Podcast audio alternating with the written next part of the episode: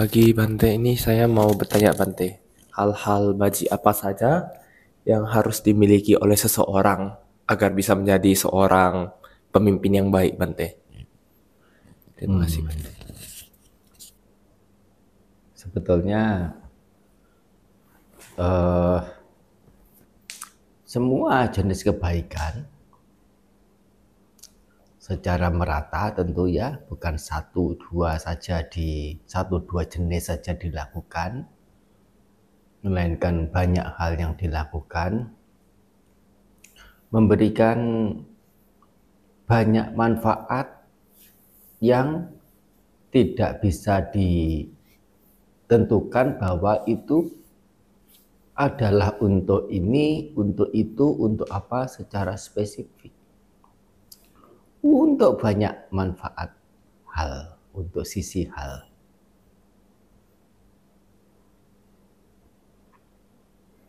Hanya barangkali uh, perlu penekanan, begitu ya. Jadi seorang pemimpin yang baik, kira-kira kikir atau murah hati? Murah hati. Hmm Enggak akan bisa jadi pemimpin kalau kikir. Itu prasyarat utama.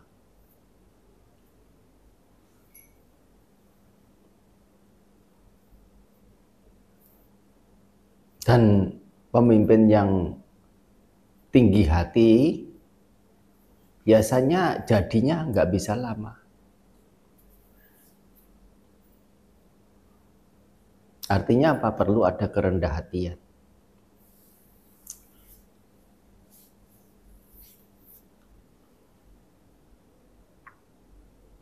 Kesannya pemimpin itu kan tegas dan kejam. Hmm. Tapi bukan semata-mata seperti itu, tapi itu adalah penunjukan kedisiplinan. Bukan karena sisi kejamnya. Dan untuk beberapa hal,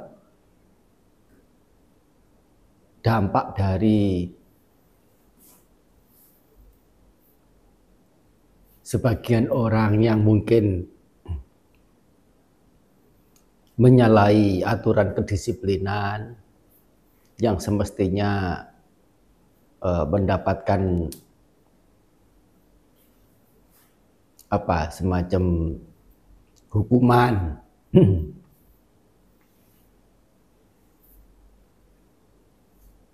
Tapi karena ya hukumannya hukuman berat. Tapi karena pertimbangan-pertimbangan tertentu, nah, apa pun, kemudian bisa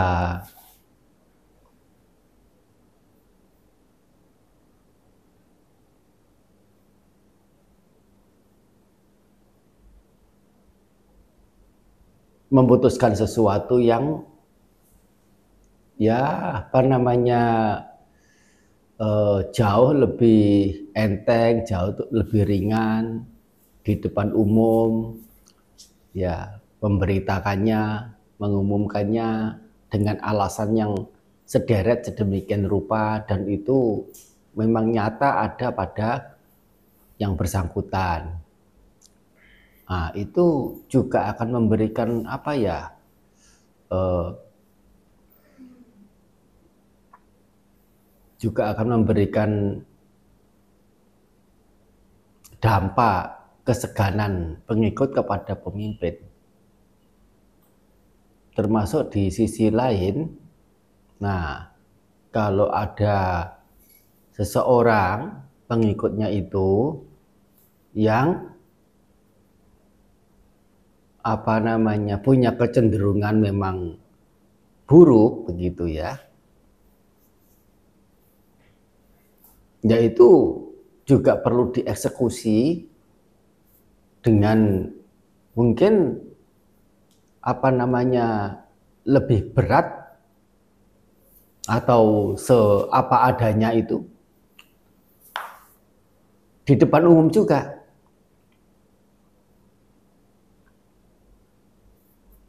Soalnya ya dengan dasar alasan yang bersangkutan itu punya riwayat demikian, demikian, demikian, demikian sebelum-sebelumnya yang tidak menunjukkan ada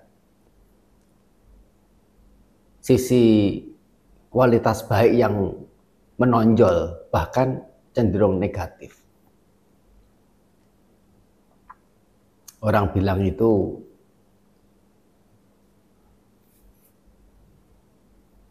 potong leher ayam kasih monyet lihat. Ungkapan. Ngerti nggak maksudnya? Potong leher ayam untuk kasih monyet lihat. Tahu ya, artinya apa? Hmm. Artinya ya kasih itu, kasih kasih tahu sedemikian rupa ini supaya monyet-monyet itu menjadi jerah, menjadi takut, tidak tidak mau mendekat, tidak mau ya apalagi melanggar begitu. Hmm. Tapi semuanya itu bukan kesemena-menaan pemimpin. Dasarnya adalah prinsip dasar kebenaran, keadilan, dan dasar-dasar yang lain. Menjadi pemimpin itu artinya menjadi pendepan, pendepan dari segala hal. Gerombolan gelap, eh, gerombolan gajah, gerombolan apa begitu ya. Hmm. Kalau dalam suasana yang genting bagaimana pemimpinnya itu yang maju duluan.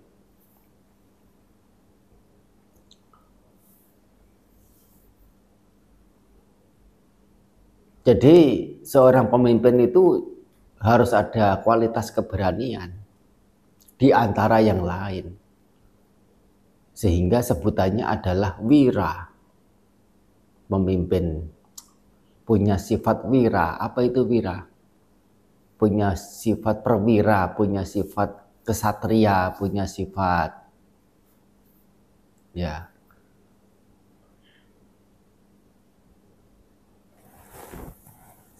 pendekar. Kependekarannya, kepahlawanannya. Nah ini uh, akan menjadi sangat menonjol. Pemimpin yang ya kalau ada permasalahan apa utamanya yang kira-kira dirinya berat untuk mengatasi, orang lain juga dia pertimbangkan berat bahkan lebih berat untuk mengatasi.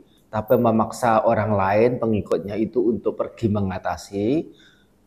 Ya ketahuan juga kalau pemimpinku itu pengecut. Eh,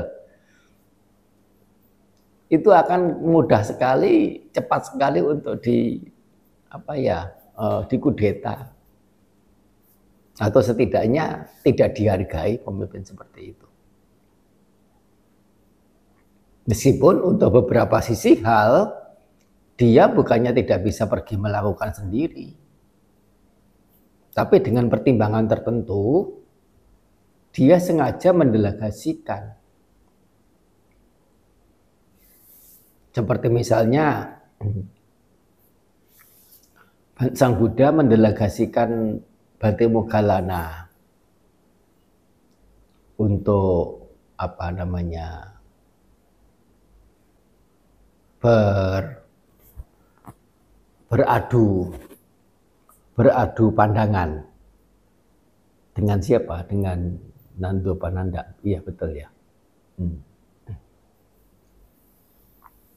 atau beliau mendelegasikan Bante Ananda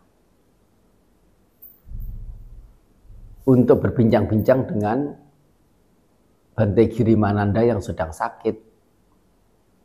Padahal Sang Buddha juga mampu. Bahkan apa yang disampaikan oleh Bante Ananda itu tidak lain adalah kata-kata pesan dari Sang Buddha. Sang Buddha mengatakan begini, begini, begini, begini, nanti katakan begini, begini, begini. Banti Ananda menyampaikannya ke Bante Girimananda. Hmm. Nah ini adalah kecerdasan kecerdikan juga boleh. Hmm. Uh, artinya kecerdikan itu ya tahu strategi bagaimana yang bagus untuk memberikan hasil. Uh, tahu menempatkan apa yang penting, apa yang sedang-sedang, apa yang kurang penting sehingga dalam melakukannya itu bisa ada prioritas.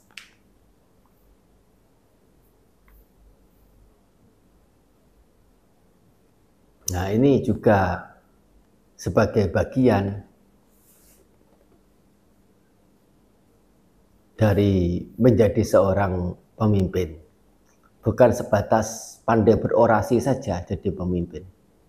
Nanti ya apa namanya eh, kesannya kesan pemimpin orator saja.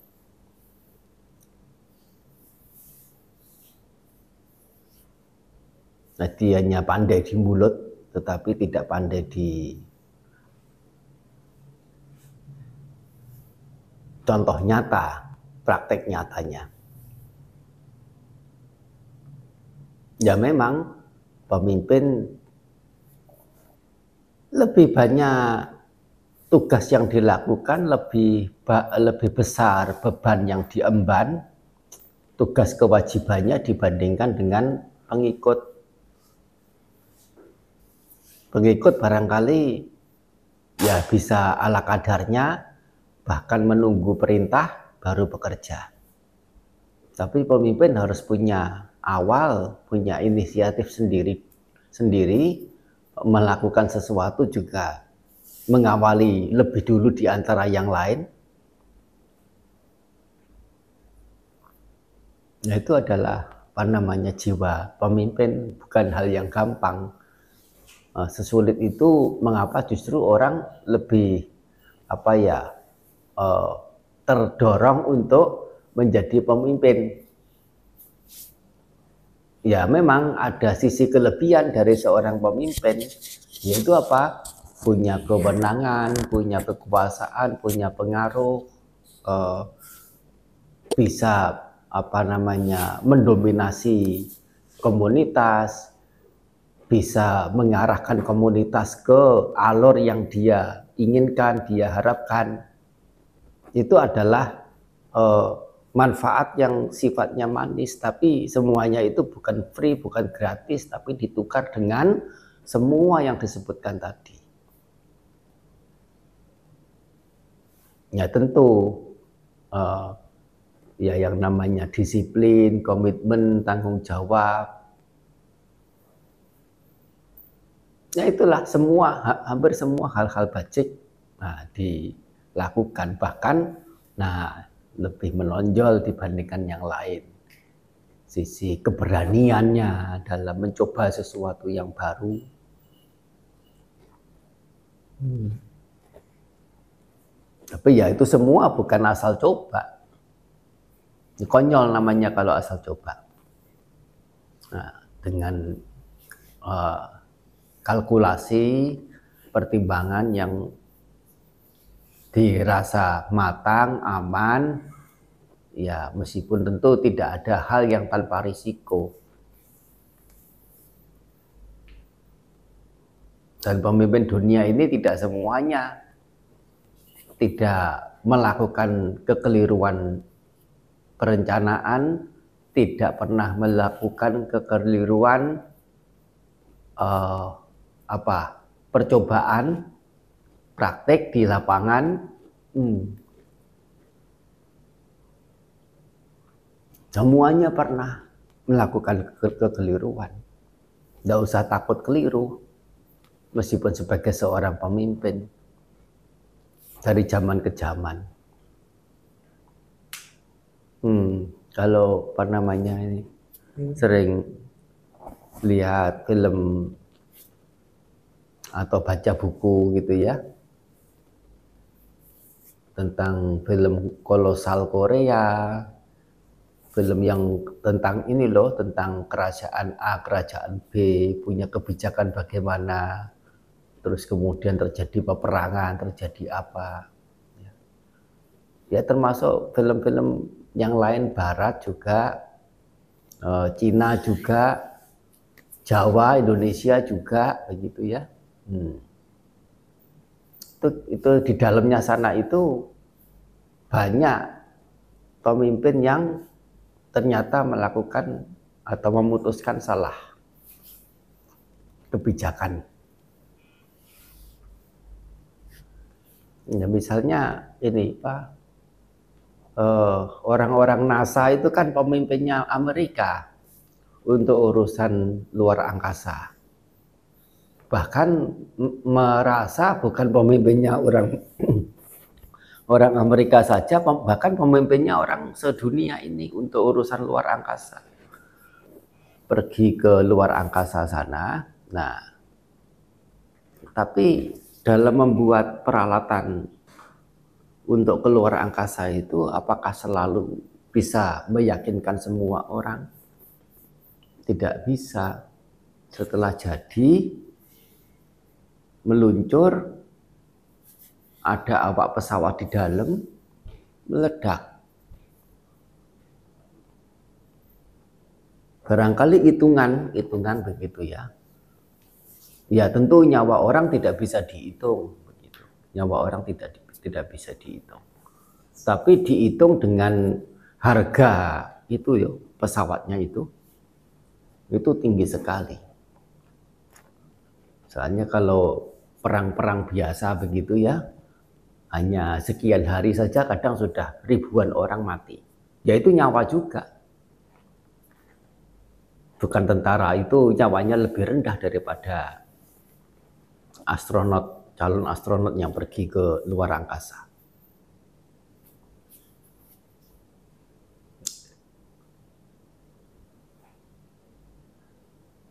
Jadi eh, kemungkinan untuk melakukan kekeliruan ya tetap ada dan harus dimengerti sebagai sesuatu yang wajar asal setiap keputusan itu nah sudah sejauh apa telah dengan seksama telah dengan cermat telah dengan bijak ya dipertimbangkan. Banyak hal itu memang di luar pemikiran di luar dugaan di luar estimasi itu akan terjadi. Apa mau dikata itu memang sudah uh, ya menjadi ya lumrahnya dunia.